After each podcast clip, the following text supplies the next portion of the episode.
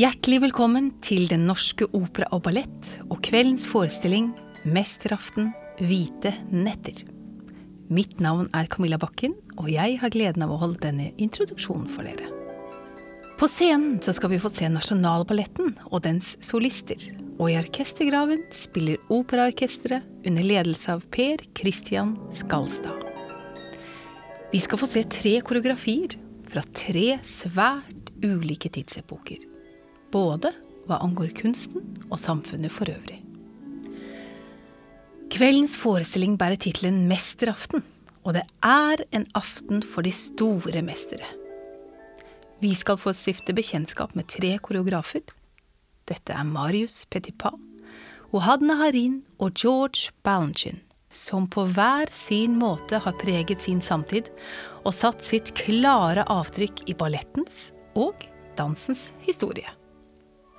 Den første balletten vi skal få se, det er et utdrag fra La Bayadère, en helaftens ballett koreografert av den store franske mesterkoreografen Marius Petipa, til musikk komponert av Ludvig Minkes.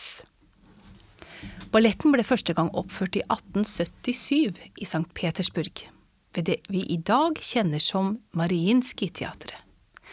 Den ble umiddelbart en stor suksess, og ble fremført jevnlig i Russland og senere Sovjetunionen gjennom hele 1900-tallet.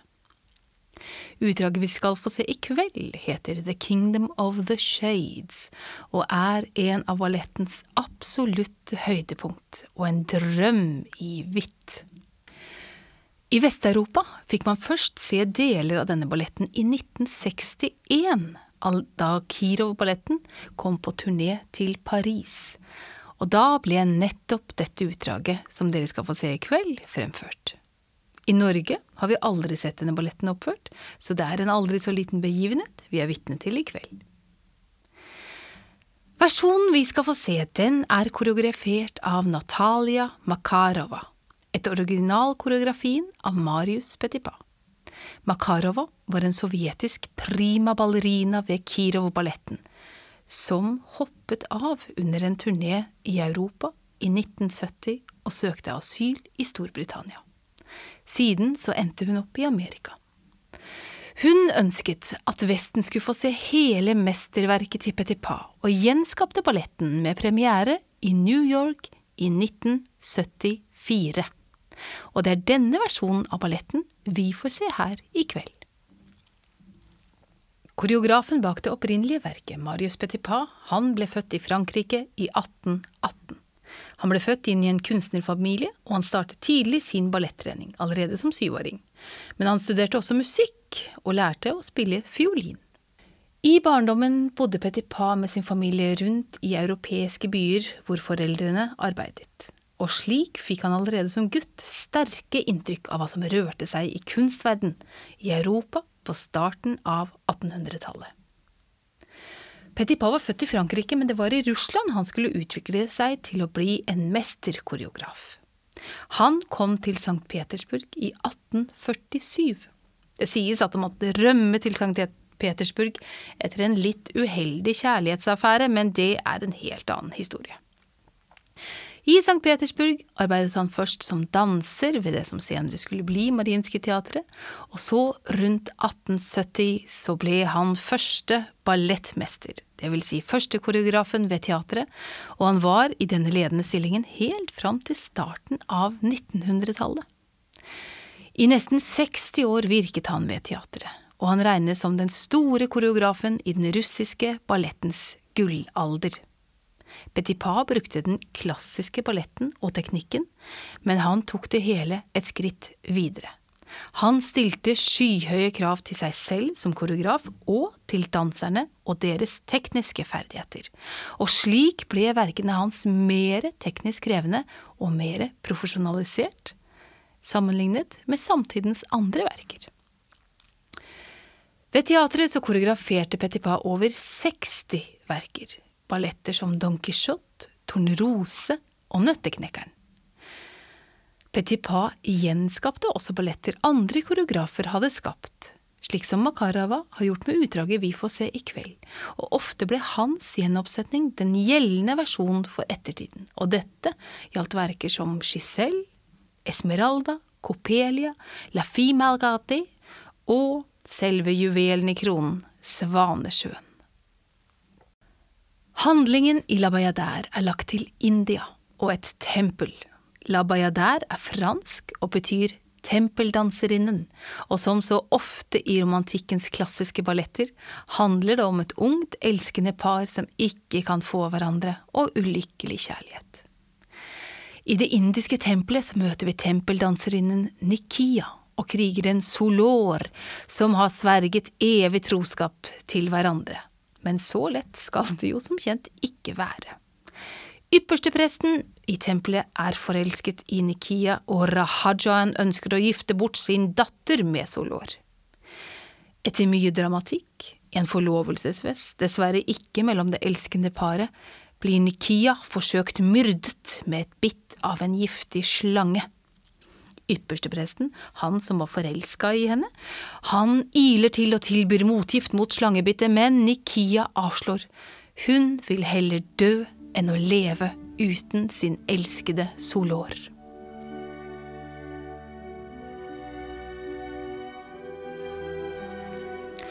Og det er her vi hopper inn i balletten, i utdraget vi skal få se i kveld, etter Nikias død. Vi møter en knust kriger Solor, som i sin sorg over å ha mistet sin elskede Nikia røyker opium. Og i en euforisk og drømmelignende tilstand møter han igjen sin avdøde Nikias sjel, eller skygge. De møtes under stjerneskinnene over Himalayas fjelltopper, hvor altså dette Kingdom of the Shades ligger. Og alle de andre i ballettensemblet, de er også skygger etter døde, ulykkelige tempeldanserinner som har lidd tragiske skjebner. Eller kan det være at Solor ser mange utgaver av sin elskede Nikia?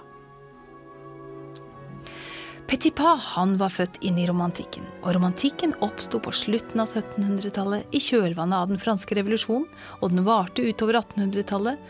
Og romantikken var en reaksjon på opplysningstidens vitenskapsorientering og fornuft. Nå skulle følelsene få blomstre igjen. Og påvirkning fra romantikkens idealer for kunsten, det ser man tydelig i de fleste av Petipas balletter. Og La Boyardère er intet unntak. Det ligger et dramatisk narrativ til grunn, en lineær historie som skal fortelles. Man søker det eksotiske, og man vil bort fra verden her og nå, tilbake til fortiden slik den fremtonte seg i drøm og fantasi og myter. Man søker perfeksjon og skjønnhet, og samtidig er det en grunnstemning av melankoli og tanker om at det gode i verden, det tilhører fortiden. Naturen, det står for det gode, mens det menneskeskapte og våre sosiale strukturer, det står for det onde. Og også i Ludvig Minkes musikk finner man igjen romantikkens idealer. Man ønsker å pensle ut de innerste følelser i et tonspråk, i et musikalsk og klanglig uttrykk. Musikken skal fortelle oss tilhørerne om de følelsene som spilles ut på scenen.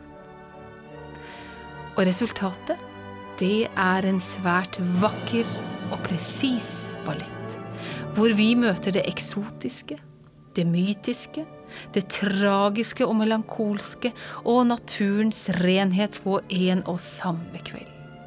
Med den klassiske balletteknikken perfeksjonert til tåspissene. Når Solor våkner igjen av opiumsrusen, etter å ha danset med sin Nikia oppe i kongeriket under stjernene i Himalaya, så er bryllupet mellom han og Rahajans datter nært forestående. Hvordan det hele ender, det skal ikke jeg avsløre her nå. Men Nasjonalballetten danser hele balletten La Bayadère til høsten med premiere 14.9. Så da er det mulig å få med seg den dramatiske slutten. Og her forlater vi romantikken den russiske ballettens gullalder og den store mester Marius Petipa. Og vi skal bevege oss over i noe helt annet.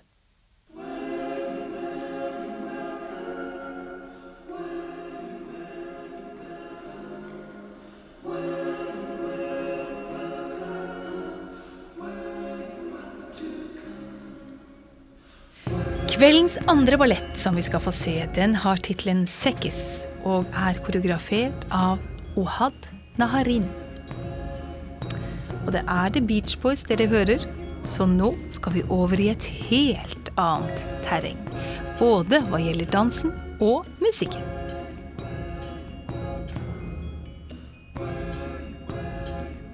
Sekkis var en del av en helaftens danseforestilling som hadde tittelen Three. Tre. Den besto av tre deler, og Sekkis var den tredje og siste delen. Three hadde urpremiere i 2005 og var skapt for det svært anerkjente israelske Batsheva dansekompani, som er basert i Tel Aviv. Koreografen bak verket er Ohad Naharin, en israelsk danser og koreograf, og han er da den andre mesteren vi stifter bekjentskap med her i kveld. Han var kunstnerisk leder for Batsheva dansekompani fra 1990 til 2018. Og fremdeles arbeider han ved kompaniet som dets koreograf. Og han skal ha mye av æren for kompaniets anerkjennelse og suksess i nyere tid. Naharin han ble født inn i en kunstnerfamilie og studerte musikk i sine unge år. Han startet å danse selv i Batsheva dansekompani i 1974, uten særlig mye dansetrening. Allerede i hans første år hos kompaniet inviterte kompaniets gjestekoreograf og kunstnerisk rådgiver Martha Graham ham til å danse i hennes kompani i New York. Martha Graham er, som mange vil vite, selve grand lady innenfor den moderne ballettens historie.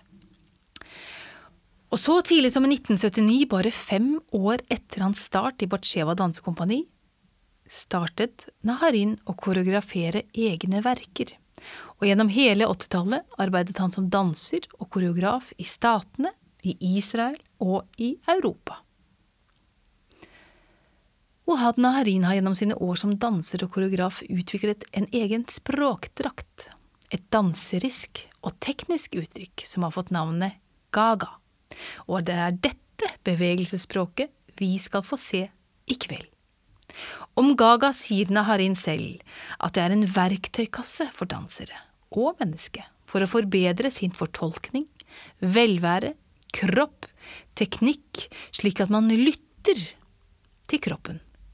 Og det å lytte til seg selv, å lytte til sin egen kropp, til sine egne impulser og til sin egen fantasi, det er hele nøkkelen og premisset for dette bevegelsesspråket og gjennom Gaga skal danseren gis evne til å transformere en følelse til bevegelse. Gaga det er ingen teknikk på linje med den klassiske balletten, som er mer rigid og kunnskapsbasert og en svært disiplinert teknikk. Gaga er som dere vil se noe helt annet. For meg er dansestudiet et laboratorium, sier Naharin og han snakker om verkene sine som et resultat av hans forskning. Han og danserne forsker når han koreograferer, og en forsker skal jo oppdage ting.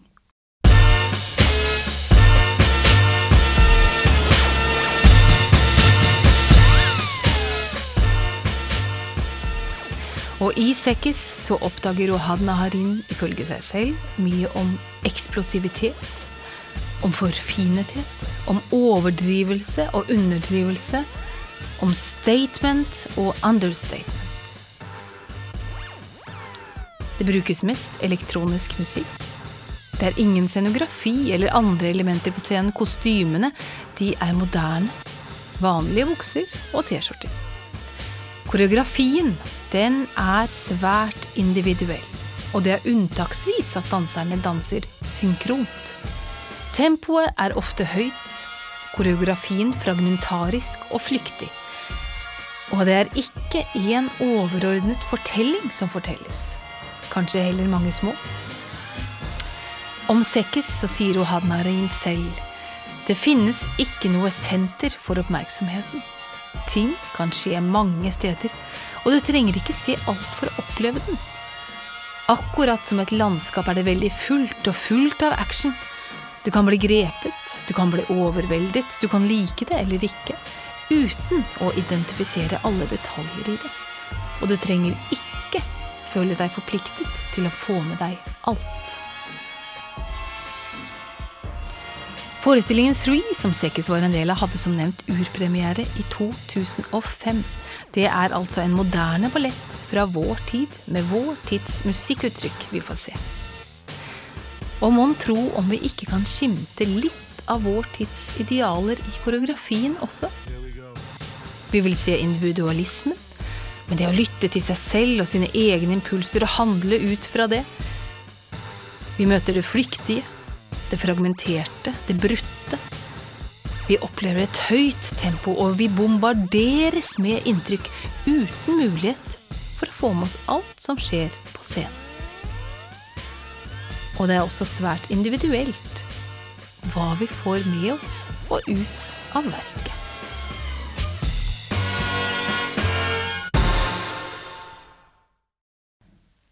Og Had Naharin han inviterer på en måte oss alle opp til dans, og det eneste vi trenger å gjøre, det er å lytte til oss selv og våre egne impulser. Om å danse så sier han, for meg betyr det å danse ikke å opptre. Det betyr ikke å være på en scene, det betyr ikke å være sammen med mange mennesker. Du kan danse alene. Du trenger ikke engang musikk for å danse. Det handler om å være en skapning, et dyr, kraften i forestillingsevnen, vår lidenskap. Så alle kan danse. Alle burde danse hver dag. Og med den inspirasjonen som vi får her i kveld, så er jeg sikker på at det rykker litt i dansefoten til oss alle når vi rusler ut av operaen og ut i den hvite sommernatten.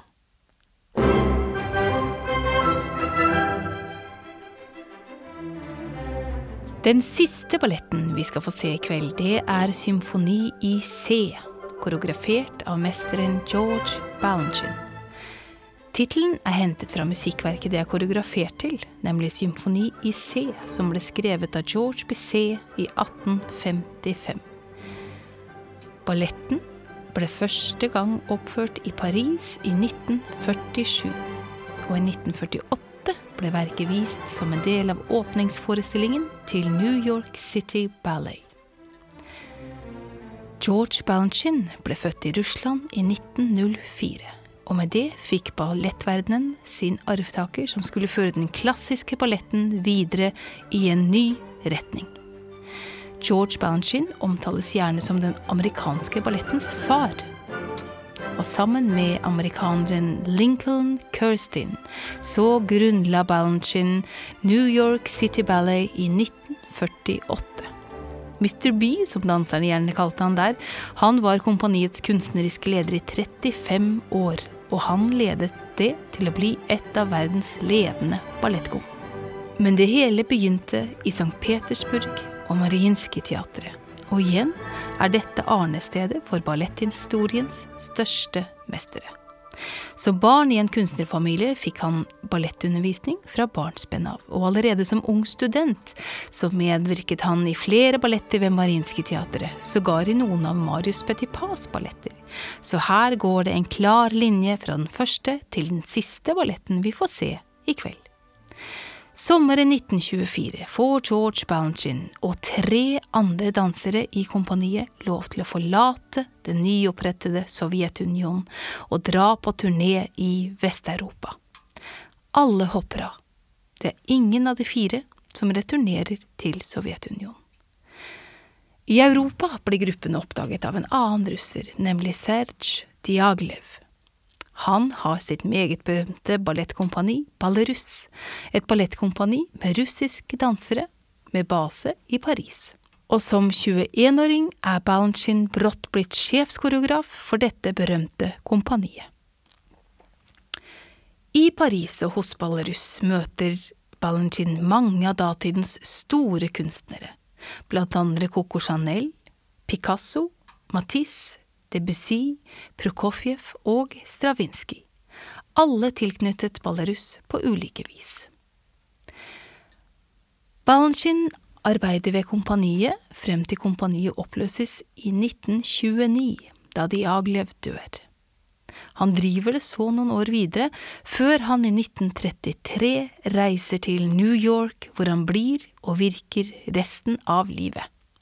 Men disse årene i Europa på 1920- og starten av 30-tallet, de skal bli helt avgjørende for Balanchine sitt kunstneriske uttrykk. For blant kunstnerne i Paris og andre ledende kunstsentra i Europa på 1920-tallet så hadde det startet en reaksjon på romantikken og senromantikkens idealer for kunsten, med overdådighet og dramatiske narrativer og store følelser og mye staffasje. Neoklassisismen ble denne retningen hetende, og trenden, det var å kutte det overflødige og stå igjen med essensen. Og Balanchine regnes gjerne som den viktigste koreografen innen neoklassisismen, mens Stravinskij var en av neoklassismens viktigste komponister, og sammen så skapte de flere balletter. Og det var visstnok Stravinskij som introduserte Balanchine for Bizets symfoni i C. Og Balanchine, han likte nok det han fikk gjøre. Balanchine var svært musikalsk og hadde selv studert musikk i Russland i sine unge år, og han spilte både fiolin og piano og kunne lese partiturer som komponister presenterte. Og i de fleste av hans balletter er det ingen lineær historie som ligger til grunn for balletten. Nei, det er musikken det tas utgangspunkt i. Og det kan vi tydelig se i kveldens ballett, Symfoni i C. Musikken er inspirasjonen for det som skjer på scenen. Det er som om Bissets komposisjon og instrumenteringen i orkester forvaltes av danserne på scenen. For Balanchine symboliserte Corde Ballen, altså danserne som ikke er solister, de symboliserte orkesteret. Og prøv gjerne å legge merke til hvordan man kan se musikken i koreografien, og hvordan man så tydelig kan finne igjen musikkens kvaliteter i dansen. Vi vil få se et gjennomorganisert ballettensemble i rette linjer. Ingen tilfeldigheter i koreografien, en ekstrem presisjon, et nesten stakkato uttrykk og et meget høyt tempo. Med den klassiske balletten som den viktigste og det grunnleggende element. Og dette er selve signaturen fra Balanchine til neoklassisismen og balletthistorien den klassiske balletten og teknikken som utgangspunkt, men vist på en ren og helt ny måte. Det er som om russisk teknikk og styrke møter Vestens nye tanker om kunsten. Og resultatet, det får vi se på scenen. Mr. B han var voldsomt produktiv. Han lagde 425 koreografiske verker for ballett, opera, film og musikal. Og mange av disse danses på scener rundt om i den vestlige verden den dag i dag. Han danset selv på scenen helt til han var godt oppe i 60-årene. Og han fortsatte å koreografere og sette opp egne verker til han var oppe i 70-årene. Hele veien tilknyttet New York City Ballet, som han en gang grunnla. 30. april 1983.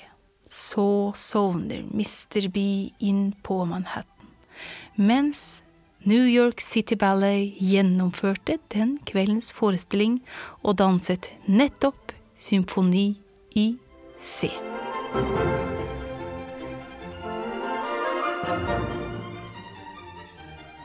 Tre mestere, tre koreografier, tre tidsepoker og tre viktige perioder i balletthistorien. Og med denne festforestillingen som feirer balletteknikken, balletthistorien og ikke minst utviklingen innenfor kunstarten, så er det vel bare for oss å danse oss ut i den hvite sommernatta etter endt forestilling. Riktig god fornøyelse.